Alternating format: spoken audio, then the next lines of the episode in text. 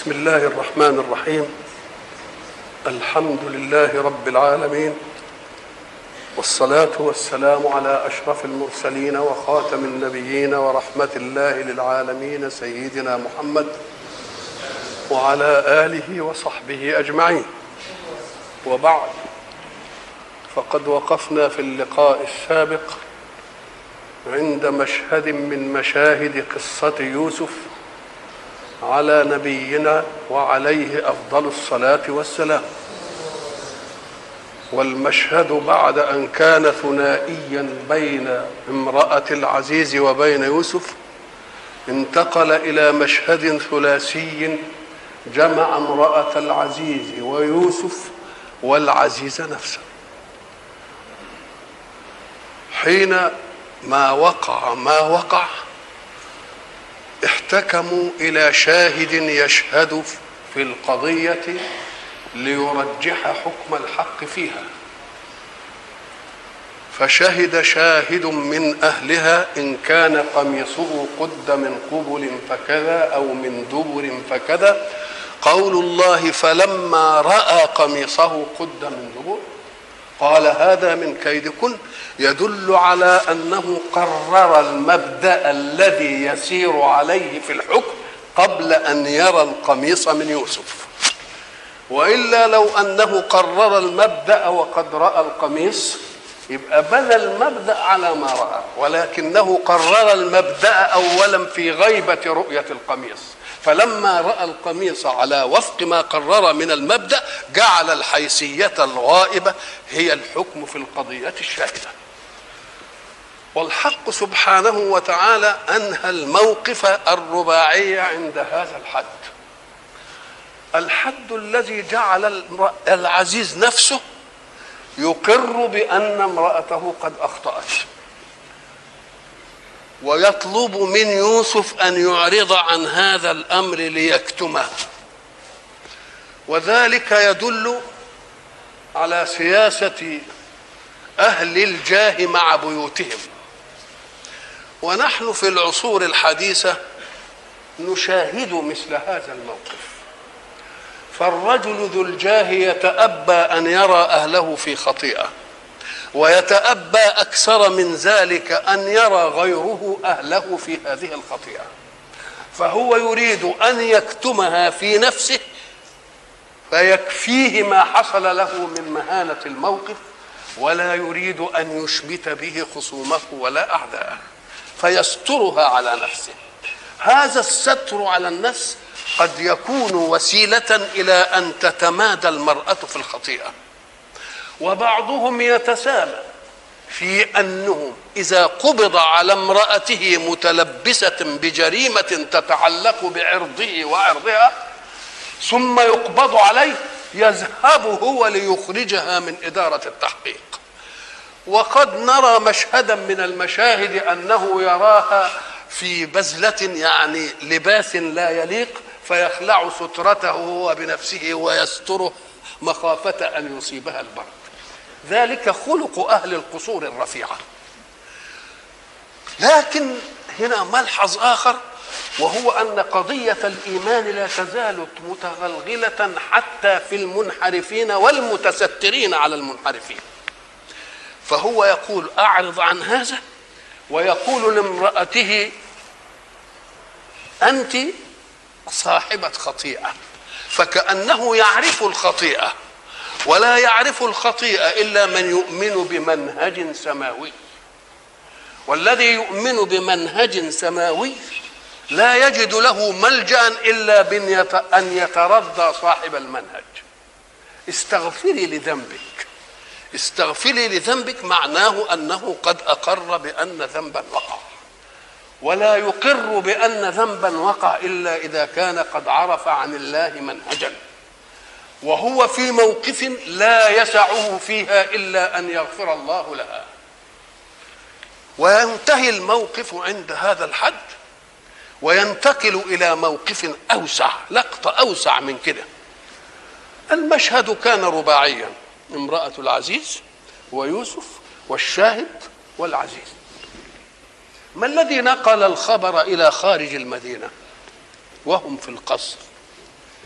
يقص علينا الحق قصة تدل كما قلنا على أن القصور لها أسرار. وهذه الأسرار لها عيون تقف عليها ولها ألسنة أيضا تتكلم بها. حتى لا يظن ظان أنه يستطيع أن يحمي نفسه من الجريمة وإن تلصص عليها وسترها ولذلك حكى القرآن هذه القصة وقال نسوة في المدينة امرأة العزيز تراود فتاها عن نفسه. قضي هو الواقع هكذا. إنا لنراها في ضلال مبين. إنا لنراها في ضلال مبين قضية حق وقضية واقعة. والنسوة إذا يقولونها تعصبا للحق تعصبا للفضيلة الله يريد أن يدفع هذه المقالة عنهم. لم يقول لم يقلن إنهما إنها في ضلال مبين لأنها تعتبر موقف الحق وتؤيده. لا. فلما سمعت بمكرهن والمكر هو ستر شيء خلف شيء.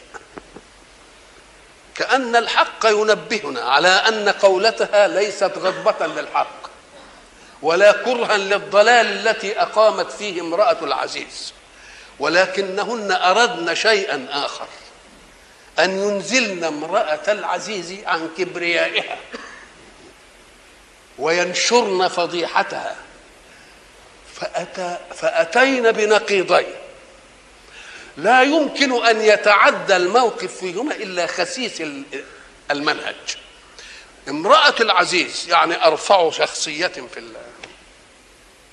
وتراود خادمها وفتاها ومملوكها. شوف النزلة بقى من امرأة العزيز إلى إلى الخادم. امرأة العزيز تراود فتاها عن نفسه. تبقى دي مسألة عملية يعني عملية صعبة. هذه المسألة حينما يقول الله فلما أحست بمكرهن دل على أنها فهمت أن القولة لم يقصد بها الحق وإنما قصد بها شيء آخر كما يفعل الماكر. الماكر يستر حيلته في شيء ليعميه على خصمه. طب ماذا يريد لك؟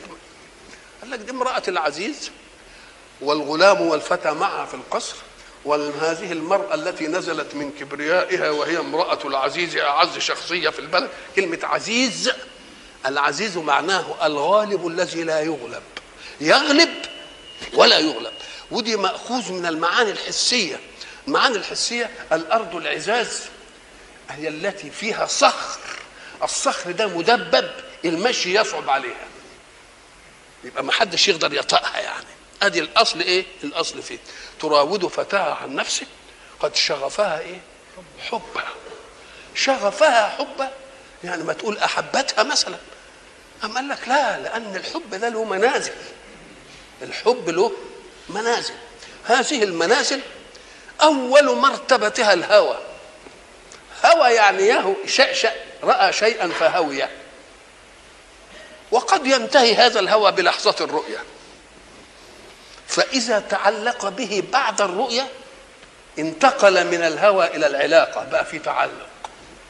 مش مشهد وانتهى شاف واحدة ماشية كده وهويها وانبسط منها كده وبتاع لا فضلت في رأسه.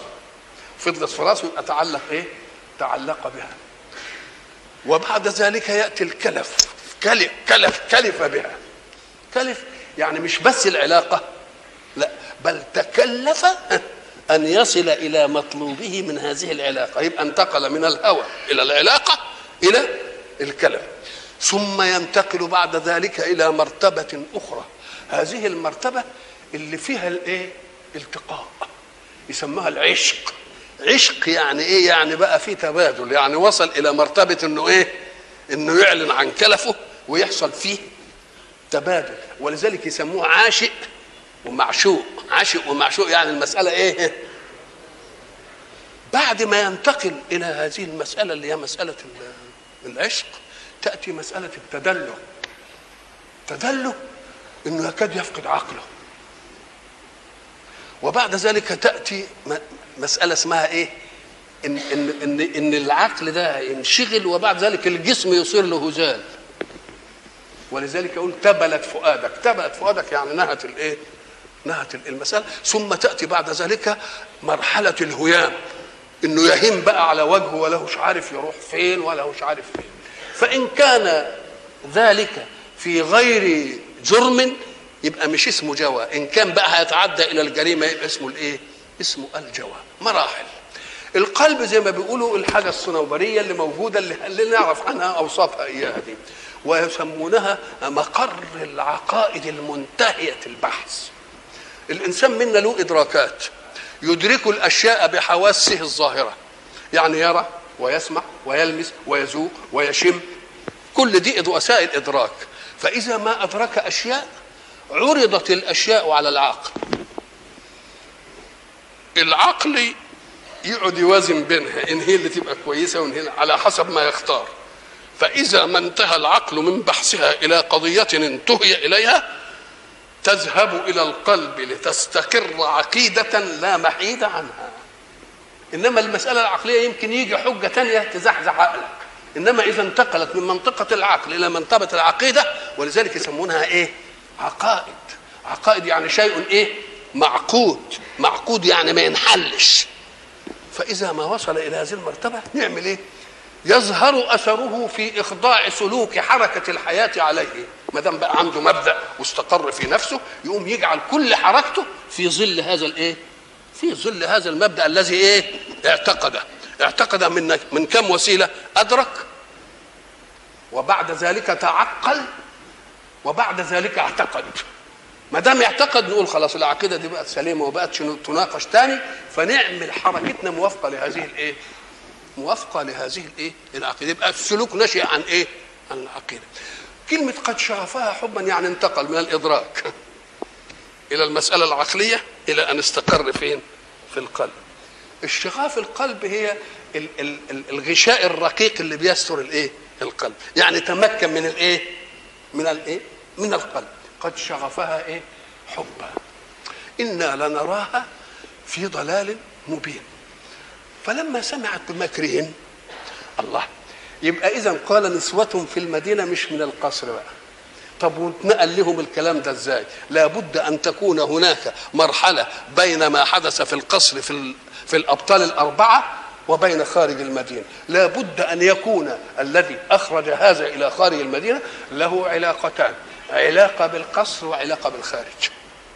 علاقة القصر فأدرك ورأى وعلاقة الخارج فلسن وقال وقال نسوة في المدينة العلماء بقى لما حبوا يجيبوا كده قال لك هم خمسة امرأة البواب وامرأة الخازن وامرأة صاحب الدواب اللي يعني السايس الخير وامرأة السجان وامرأة الساقي اللي بيسقي الإيه؟ اللي بيسقي الملك. طيب النساء دول اللي قاعدين في بيوتهم بره دول يبقوا أصحاب الشأن الداخلين دول هم اللي نقلوا لدول. وما دام نقلوا لدول يبقى عرفنا كيف تكون أسرار القصور مضغة. مضغة بأن ينقلها الناس اللي موجودين لمين؟ للي بره يقعد بقى يسلي أهله ويتكلم بقى ويقولوا هم إيه ينقلوها إلى الإيه؟ المرحلة الثانية. فلما حست سمعت أرسلت إليهن يعني عملت لهم دعوة وأعدت لهن متكئا المتكأ هو الشيء الذي يستند إليه الإنسان حتى لا يطول به ملل من قعدة خاصة. يعني مثلا هو قاعد كده وبعدين مثلا إن كان قاعد للحظة كده يستحملها ويقوم. إنما إن كان هيقعد بقى ويرسي. يبقى مرة عايز يتكئ كده مرة عايز يعمل كده مرة عايز يمدد ما يبقى لازم عنده بقى إيه شوية نمارق وشوية حشاية وشوية طناء مش عارف إيه يقعد يتركن على كيفه بقى. ودي دليلة على أن القاعدة إيه؟ هتطول وما دام هتطول تبقى تدعو إلى الملال. وما دام تدعو إلى الملال يبقى نديله حاجة عايز يتكئ كده يحط دي يعني عايز يتكئ اللي ورا يحط دي عايز يحطها تحت رجله. قال المتكئ أعدت لهن إيه؟ متكئا دليل على أن الجلسة إيه؟ ستطول. وآتت كل واحدة منهن سكينا. تخطيط بقى. وقالت سكين لازم يوجد مبرر لمجيء السكين. يبقى لازم حاجة تتقطع بالسكين. ما دام متكئ وقاعدة طول يبقى في أكل يبقى في حاجة تتقطع بالسكينة تبقى يبقى لازم تكون كده. وقالت اخرج عليهن. فلما رأينه أكبرنه وقطعن أيديهن. يقال أكبرت الشيء كأنك قد تخيلته قبل أن تراه على صورة. وقد تكون صورة من الحسن جميلة قوي إلا أنك حين تراه تكبر المرأة عن التخيل. يعني اللي شفته إيه؟ في واحد تحدث عنه ويحدثوك عنه حديث طيب ومش عارف. وبعدين لما تلقاه تلاقيه أكثر مما إيه؟ مما حدث عنه. لذلك الشاعر يقول كادت مساءلة الركبان. تخبرني عن جحفر بن حبيب أصدق الخبر حتى التقينا. فلا والله ما سمعت أذني بأطيب مما قد رأى بصري. لقيت حاجة يعني إيه؟ وفي واحد تسمع عنه حلم وبعدين حين ترى تقول هو ده اللي كنت بسمع عنه ولذلك يقولون في المقابل سماعك بالمعيدي خير من أن تراه. يا ريتك فضلت تسمع عنه كده ولا شفتوش. لأنك لو شفته الكلام ده إيه حينقض يبقى فيه مصر. فلما رأيناه اكبرنه لما هم قالوا امراه العزيز بتراود فتاها ولازم الفتى ده شكله مش عارف إيه وشكله إيه. تخيلنا له صورة من الإيه؟ صورة من الحسن. وبعدين شافوه اكبروا المرأة عن الإيه؟ عن الإيه؟ الصورة. فلما راينه اكبرنا أكبرنا يعني وجد على صورة فوق ما تخيل فيحصل فيه انبهار. الانبهار ده يديه أول مرحلة من مراحل الانبهار الذهول الذهول يجعل الشيء الذي طرأ عليك في مرآك يذهلك عما تكون أنت بصدده. يعني إن كان تزل كده إن كانت في حاجة في حاجة كتيعة إن كان في مش عارف إيه يحصل إيه؟ يبقى تشغل بما رأيت عما كنت إيه؟ فلما رأيناه اكبرنه اكبرنه هاله الموقف حصل لهم ذهول الذهول نسوا إنه في إيدهم إيه؟ سكاكين وهم بيقطعوا البتاع فقطعنا إيه؟ ايديهم دي تصوير لمن؟ واللي بقى فيه تصوير بقى يعني يجيب الصورة مثلها. مش ممكن. فلما رايناه أكبرنا وقطعنا ايديهن وقلنا حاشا لله حاشا لله. كلمة حاشا دي معناها تنزيه. معناها تنزيه. والتنزيه لمين؟ لله. طب والتنزيه لله ما موقفه هنا؟ أم قال لك منز- أن الله منزه إن واحد زي ده ملك زي ده تيجي منه إزاي دي تيجي؟ إزاي؟ تنزيه لله أو أننا ننزهه عن أن يكون قد حدث بينه وبين امرأة العزيز إيه؟ شيء. وهذه الشهادة مش لهاده هوانا ولا حاجة ده شهادة لمين؟ تنزيه مص- مصدره من الإيه؟ من الله حاشا لله. ده مش بشر ده. ليه؟ لابد أن يكون قد خرج عن صورة من أرقى صورة الإنس اللي شافوه. فقال لك أنا ما شفناش حاجة دي في الإنس. يبقى ده إيه؟ لازم يكون إيه؟ ملك. والملك ده شيء من التخيل. تخيل الإنسان لما يجي يتخيل يقول لك ده, ده, ده ملاك. ملاك يعني إيه؟ على أجمل صورة. لأن الخيال قد يحكم على الأشياء المتخيلة. الحكم اللي يناسب صورتها في الإيه؟ زي ما نتصور الشيطان. الشيطان نتصوره إيه؟ هو إحنا شفنا الشيطان ما شفناش إنما حين نتصوره نتصوره بإيه؟ بأبشع صورة وحين نتصور الملاك نتصوره بأجمل إيه؟ بأجمل صورة. فالشيطان نتصوره إيه؟ بأبشع صورة. البشعه دي بنختلف فيه. أنت قد ترى شيئا بشعا غيرك لا يراه. يعني مقاييس الجمال في الأمم بتختلف. ده تيجي في مثلا في أواسط إفريقيا من الجمال إن المرأة تكون شفتها قد المجور زي شفة المجور كده. مسائل وان شبه كذا تبقى مسائل ما نعرفهاش دي. ومن وسائل الجمال عندهم إن المرأة يكون شعرها اكرت قوي مموج مموج مموج مموج. وبعدين أكدت الحضارة الحديثة أن هذا لون أيضا مما ينجذب إليه الإنسان في الجمال. بدليل إن الستات يروحوا للكوافير يقول لك إيه, إيه؟ اعمل لي شعر إيه كده مش عارف يعملوا إيه. بيعملوا إيه فيه؟ مش. الشعر السايل ده يعملوه كده. دليل على إنه يبقى فيه جمال. اذا فالجمال مقول بالإيه؟ بالتشكيك مقول بالتشكيك. هذا يرى جميل وده يرى ده مش جميل وده يرى جميل مش مش ممكن. والحق سبحانه وتعالى يقذف معايير الجمال في النفس الانشاريه الإنسانية على قدر مقومات الالتقاء في الانسجام. تلتفت تلاقي خادم في قصر والقصر دي في بنات بقى جميلات الجمال الفائق والملابس المش عارف البراقة. وبعدين كل دي ولا يجي باله يجي باله البنت الخدامة اللي عند الجماعة التانيين دي ويقعد برضه إيه قال لا مسألة مش تحديد. علشان المسائل ما تبقاش كده. ولذلك يسمونا عندنا في, في, في الفلاحين وفي الريف يقول لك كل فولة لها إيه؟ لها كيال وواحد بتنخطب البنت وبعد ذلك يجي لها واحد تقول ما يعجبهاش أو هو أو هي ما إيه؟ ما تعجبوش. وبعدين يجي واحد تاني يتجوزها يبقى معناها إنها عجبته. يبقى اذا مقاييس الأول ما جاتش ودي مقاييس الثاني جت مسألة ما نعرفهاش إيه شكلها. أو لقطة الجمال أو لقطة الانكذاب ما نعرفش هي تكوينها إيه إلا خالقها ساعة ما يريد ربنا يجمع كده يكتب إله القبول ويبين فيها سمات الجمال اللي تعجبه بس. إن كان يعجبه الشعر يبقى شعرها كويس إن كان تعجبه عينيها إن كان يعجبه جسمها إن كان يعجبه ما نعرفش إيه اللي بيعجبه فيها بقى. فإذا هم ملك كريم يبقى للصورة الجمالية العليا اللي ما فيش في الإنس ما يعطيها. والشيطان الصورة القبيحة اللي ما فيش في المراء اللي بنشوفها. ولذلك الحق سبحانه وتعالى حينما أراد أن يبشع لنا في القرآن شجرة الزقوم. قال إن شجرة الزقوم طعام الأسيم كالمهل يغلي في البطون كغلي الحميم. وبعدين يتكلم عنه إنها شجرة. وكلمة شجرة توحي بالإخضرار والرعرعة تنبت في أصل الجحيم. شجرة وفي في الجح... تنبت في النار. مسألة مش قال لك ما هو الجامع بين الأضداد هو بس. إنها شجرة تخرج في أصل الجحيم. طلعها كأنه رؤوس الشياطين. الله. طب ده إحنا بنعرف إن التشبيه عادة يأتي في اللغة ليشبه لك شيئا مجهولا بشيء معلوم لتأخذ الصورة. لكن إحنا لا شفنا الشيطان ولا شفنا شجرة الزقوم. يبقى اداني شجرة الزقوم اللي لسه مش وإن شاء الله ما نشوفهاش ابدا. بطل كأنها رؤوس الشياطين. لا ده شفناه ولا ده شفناه. مع أن التشبيه يشبه إيه؟ مجهولا بمعلوم عشان يديك صورة للمجهول من المعلوم الذي فما دام ربنا قال كده إزاي دي تيجي؟ قام قال لك طب هات كده أنت بلاش سيب الآية كده وهات الرسامين اللي في الدنيا كلها. بتوع الكاريكاتور. وخليهم قول لهم إحنا عايزين نعمل مسابقة لصورة الشيطان.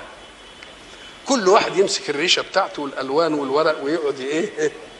يرسم صورة للشيطان. لو رسموا مليون صورة كل واحد يرسم صورة ومسكت الصور ما فيش صورة تلتقي مع صورة. كل واحد صور البشاعة بإيه؟ بشكل يتخيله هو. ده تصورها كذا وده تصورها كذا. واحد يتصورها بإن بقه عامل كده واحد يتصورها بإن عينيه مشروطة كده واحد يتصورها بإن عينيه هنا مش عارف كل واحد يتصور الصورة البشعة. لو أن الله صور طلع شجرة الزقوم بشيء بشع محدد يبقى ألزم اخيلتنا في هذا الشيء الإيه؟ تبقى البشعة تبقى على لون إيه؟ واحد. لكن لما يشيعها كده يبقى كل واحد يتخيل في الشيطان الصورة القبيحة. يبقى رب المعنى وزوده ولا أثره يبقى ربه وزوده. إذا فلما قالوا ملك يبقى قعدنا نستقرئ ما وجدناش. يبقى دي صورة إيه؟ ملك كريم.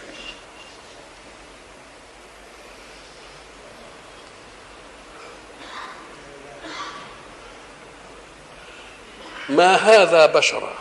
إن هذا إلا ملك كريم.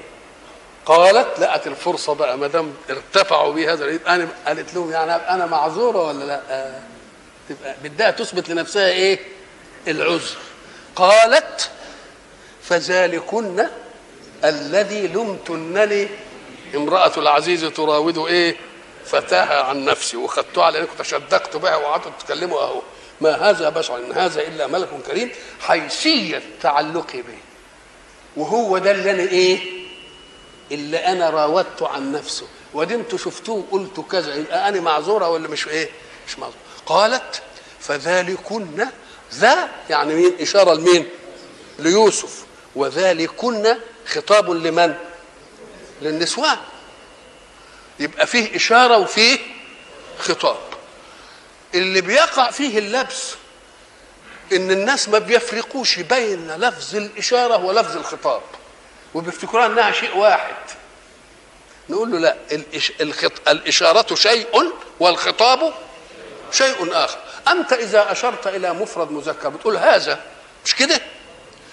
طب وإذا كنت بتخاطب واحد تقول له إيه, إيه؟ ذا ك يبقى ذا راح لمين؟ للمشار إليه وكا راح لمين؟ للمخاطب. خلاص؟ تقول له إيه؟ ذلك فلان. ذا يعني أنت أنا بخاطبك اللي بخ... اللي بشاور له وكاء بتاعتك. يبقى فيه اثنين ولا لا؟ فيه خطاب وفيه إشارة. فإذا كنت تشير إلى مذكر واحد ولكنك تخاطب أنثى تقول لها ذلك. لأن ذا بتشاور له. وبتخاطب مين؟ أنثى. طب بتخاطب اثنين تقول ذلكما. ذلكما. طب بتخاطب جماعة وبتشاور لواحد بس تقول له ذلكم.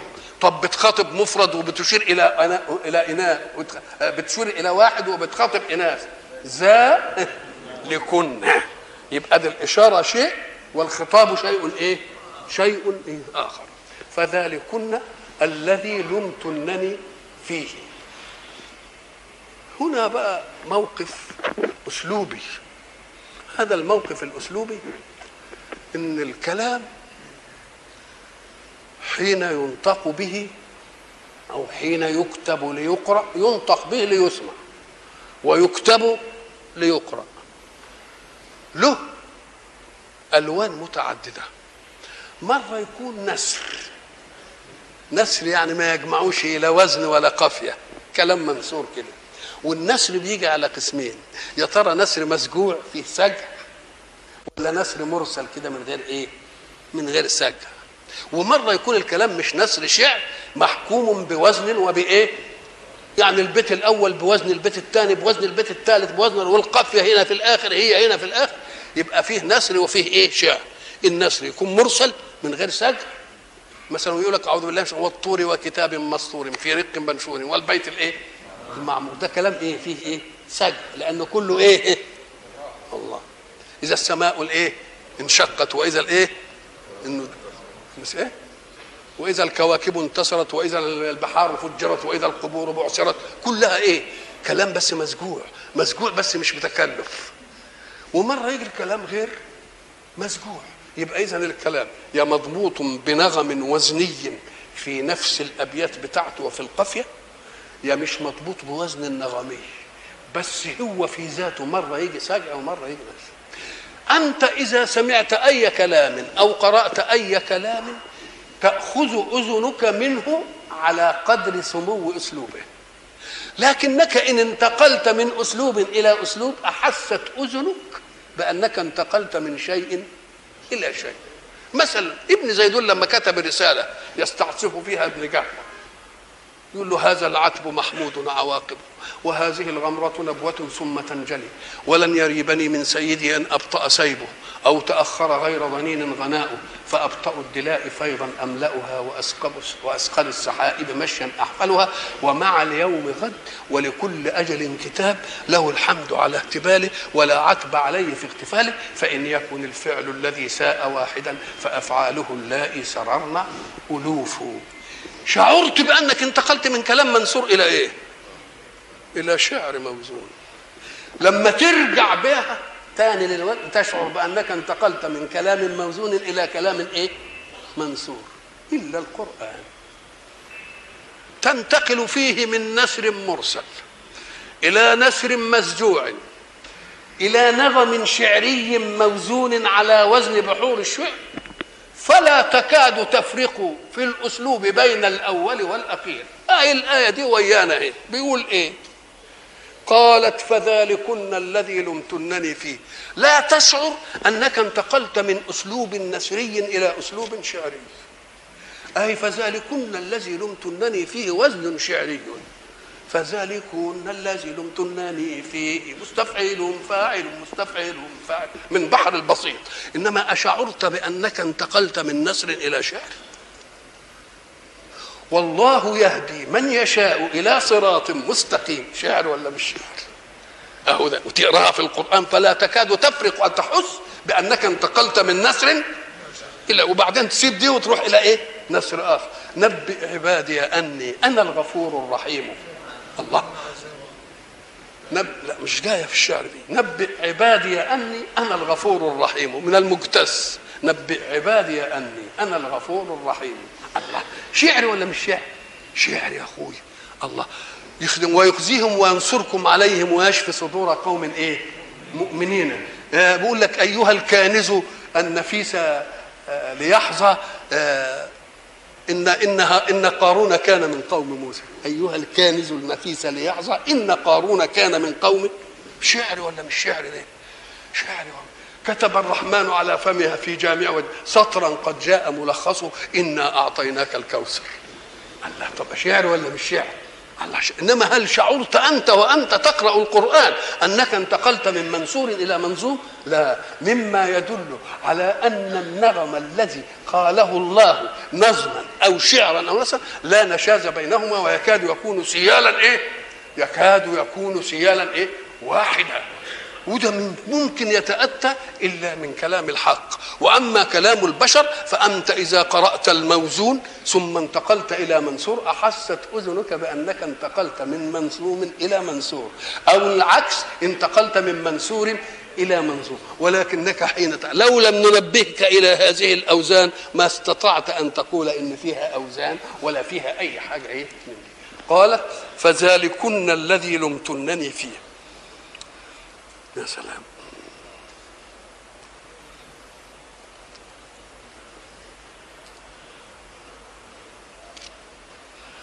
ولقد راودته عن نفسه. ما هي بينت بقى الحيثية بقى. اتبجحت بقى. خلاص. ولقد راودته عن نفسه فاستعصم. فعصم نفسه يبقى معقول. إنما استعصم يدل على تكلف الشيء والمشقة في حجز نفسه. المشقة في حجز نفسه دي كلمة فاستعصم لتثبت أن فحولة رجولته غير ناقصة. ولذلك جاهد في نفسه جهادا ليكبتها. لأن لو مرت المسألة كده يمكن يقول لك واحد اصله هو يعني ما فيش لا أهي دي بتاعت زي همت به بتاعت زمان. وكلمة فالإيه؟ فاستعصم. ولئن لم يفعل ما آمره أي به ليسجنن. يا سلام هي اللي بتصدر الأوامر. شوف بقى نساء القصور لما هم اللي يصدروا الأوامر ينسجن يعني ينسجن آه. ليسجنن ولا يكون من الصاغرين. شوف كلمة فلما رأينه أكبرنه يعني رأينه على أعظم مما تصور. هي قالت إن ما كانش يفعل أنا الصورة دي هخليه أخليه أخليه أهون مما من يكون من الصاغرين. من صاغر مش معناه صغير يعني. صغر يصغر يعني سن. لكن صغر صار ذليلا مهانا. فأنتوا أكبرتوه ورفعتوه لفوق أنا ما عملش الحكاية دي هنزله فين؟ هنزله وقالوا بقى طب إيه الحكاية؟ وهم قالوا كده ليه يعني؟ ما دام مش غيرانين على الفضيلة ولا أي حاجة ليه عملوا الحكاية دي؟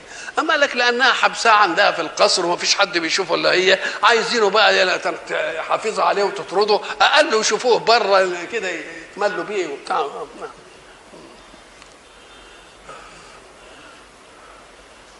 قال رب السجن أحب إلي مما يدعونني إليه. طب الله إيه الخطأ؟ الجمع هنا ليه؟ ده هي اللي قالت ولئن لم يفعل ما آمره لا يسجنن. دوكا ما لهمش داخل فيقول ربي السجن ما هو قالت لا يسجنن. فهو بيقول إيه؟ والسجن أحب إلي مما تدعوني أنت إليه.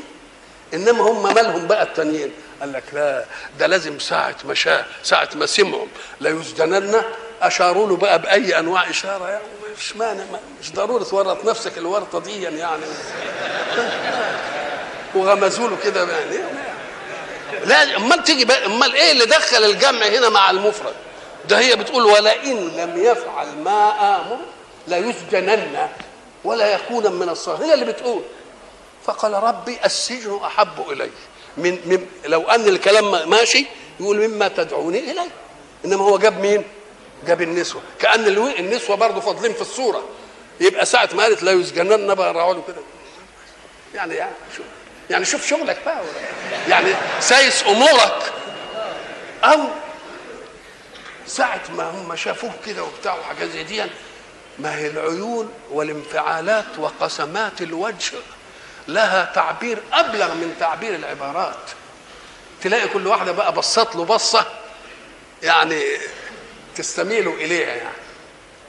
تستميل إليها وما دام إشارات العيون دي وبتاع فعرف هم عايزين إيه. يا سواء كانوا بت بت يرضينه على ما تطلبه هي منه أو هم يعملوا فيه إيه أو يبدلوه غزل جانبي. كل واحدة تديله إيه غزل جانبي. ما هو الشاعر أبو دلامة قاعد وبعدين في وسط الخليفة وحواليه الأعيان بتوع الدولة وبعدين الخليفة حب يداعب رجال الدولة ويداعب أبو دلامة الشاعر وهو هجاء أم قال له عزمت عليك إلا هجوت واحدا منا.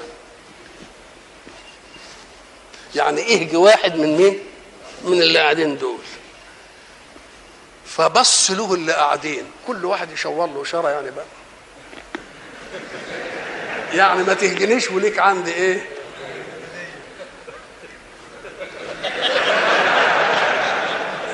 يبقوا فهموا ولا ما فهموش؟ كل واحد عمل له كده عمل كده هو طماع. عايز ياخد كل دي. فقال إيه؟ ما تهجي نفسك وتنفرد. فراح هاجي نفسه. يبقى خرج من قسم الأمير ورضى مين؟ ورضى الكل وخد منهم اللي هو إيه؟ ولذلك قال هناك الأبيات الشعرية الإيه المشهورة؟ ألا أبلغ لديك ابا دلامه فليس من الكرام ولا كرامة. لا لا هو كده ولا هو إيه؟ إذا لبس العمامة كان قردا وخنزيرا إذا خلع العمامة. هجى نفسه. وكسب إيه؟ كسب ما يعني ما التشويرات اللي حصلت دي خد بها فكذلك نقول النقلة دي هي التي قالت لا يسجنن ولا يكون من الصاغرين فالأسلوب القرآني جاب النساء في قلب الحب. إلا تصرف عني وإلا تصرف عني كيدهن أصب إلي إيه؟ إليهن وأكن من الإيجا وقال رب السجن أحب إلي مما يدعونني يدعونني إلي. أن أوافق امرأة العزيز أن أن أن تفعل أن يفعل معها ما تأمره به أو أنهم هم يوجه قلوبهم إلى إيه؟ إليه.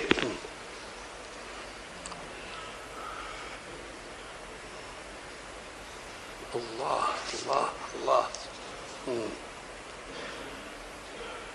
قال ربي السجن أحب إلي مما يدعونني إليه. ربي كان يقول إلهي لأن منطق التكليف في الألوهية. منطق التكليف في الألوهية لأن دي العبادة افعل ولا إيه ولا تفعل. قال لك لا أنت اللي ربيتني وأنت اللي تعهدتني ما تتخلاش عني في هذا الوقت. لأنك ربي وأنت اللي بتاخد بإيدي في كل حاجة. فدعا الله بالاسم الإيه؟ الربوبية. رب السجن أحب إلي مما يدعونني إليه. وبيقول له أنا بشر وأنت خلقتني بشر. إن لم تصرف عني كيدهن أصب إليهن وأكن من الإيه؟ من الجاهلين. يبقى برضه بيؤكد بشريته وفحولته وأنه امتنع لا لنقص في تكوين طبيعته ولكن امتنع لأنه نصب منهج الله أمام عينيه. فاستجاب له ربه. فصرف عنه كيدهن. التآمر بقى اللي بينعمل ربنا سبحانه وتعالى ما هو لجأ إلى الرب يبقى هو اللي صرف الإيه؟ الكيد. فصرف عنه كيدهن إنه هو السميع العليم. ثم بدا لهم. لما عرف بقى إن مفيش يعني فايدة من بعد ما رأوا الآيات ليسجننه حتى حين. كلمة لا يسجننه برضه عقوبة فيها لون من استبقاء حنان الحب. طب ما كانوا يقولوا موتوه ولا ودوه في داهية ولا ما حصلش. برضه فيه إيه؟ فيه إيه؟ فيه أمل. والسجن عادة إحنا عارفين إن السجن هو حبس المسجون لتتقيد حركته في حركته في الوجود. بعد ما كان حر الحركة. حر الالتقاء بنسجنه وده ليه بينشأ ليه؟ إما الإذلال وإما مخافة الشر. بنكف شره أو إيه؟ نزله لأن الإنسان ما يجترئش على الأحكام إلا كان فاهم ان له فوق وله قدرة وله غلبة فنقول له لا غلبتك انتهت وقدرتك انتهت وأصبحت إيه؟ مقهورا. كنت عامل فتوة بره يعني. لا دلوقتي اتفضل هنا وسجان وعسكري كده يقعد إيه؟ يضرب فيه بالقلم ويقعد يأمر فيه وينام مهما كان إيه؟ مهما كان إيه؟ عظيم. يبقى السجن معناها إيه؟ أخذ المسجون وعزله لتتقيد حركته. تتقيد حركته لنمنع شره عن المجتمع أو لنزل إيه؟ زل نفسه. وده طبعا السجون أمر موجود في كل الدنيا. إلا أن في سجن ثاني. الرسول صلى الله عليه وسلم أن إحنا في العصور الحديثة في كل النظم تاخد المسجون تعزله عن المجتمع. والمجتمع قد يعطف عليه برضه بيطلعوا الناس تزوره ولا لأ؟ وتاخد له أكل وتاخد له شرب وتودي له مش عارف إيه ويمكن تدسله اللي بيحبه سجاير ولا كتب ولا مش عارف إيه مثلا. إنما السجن الديني مش كده السجن الديني مش أن تعزل المجرم عن المجتمع أن تعزل المجتمع عن المجرم. تخليه في المجتمع كده وهو إيه؟ وهو معزول. لا تكلمه فلان. ما حدش يتعامل معاه. ما حدش عمل. وقد يتسامى العزل إلى أن يصير إلى عزله عن الاهل يبقى ويا الاهل يقول لا إياك أن يقربك. كما فعل رسول الله في الثلاثة الإيه؟ الذين تخلفوا. مش بعت للنساء قال لهم دول ما يقربكوش ادي ادي كلمة الإيه؟ ادي العزل الحقيقي. ثم بدا لهم من بعد ما رأوا الآيات ليسجننه حتى حين وما دام بقى السجن يبقى دخلنا في حتة ثانية ودخل معه السجن فتيان دخل معه المعية دي فيها معاني. معية ذات ولا معية أسباب ولا معية أحداث ولا معية إيه؟ طب دخل معه السجن الدخول هيبقى في معية ذات معه وياه يا ترى برضه من من سياسة القصور برضه المعية جت كده زي ما ده برضه قال لك إيه؟ ما هو اللي هيبقى هنا الخباز والساقي فهل هذه مسألة زي ما بتصنع بعض الأحداث عشان تشوش على حدث يصرف عنه يصرف عنه الناس بها؟ يجيبوا اما يكون في حدث كده فيقوموا يعملوا شوية إيه؟ أحداث تانية إيه؟ زي ما يقولوا بيدوكوا على الإيه؟ على الحدث. عملوا هيصة في القصر كده والملك هينسم والسقا هيحط له مش عارف إيه والتاني إيه وخدوا الإيه؟ ودخل معه السجن فتيان.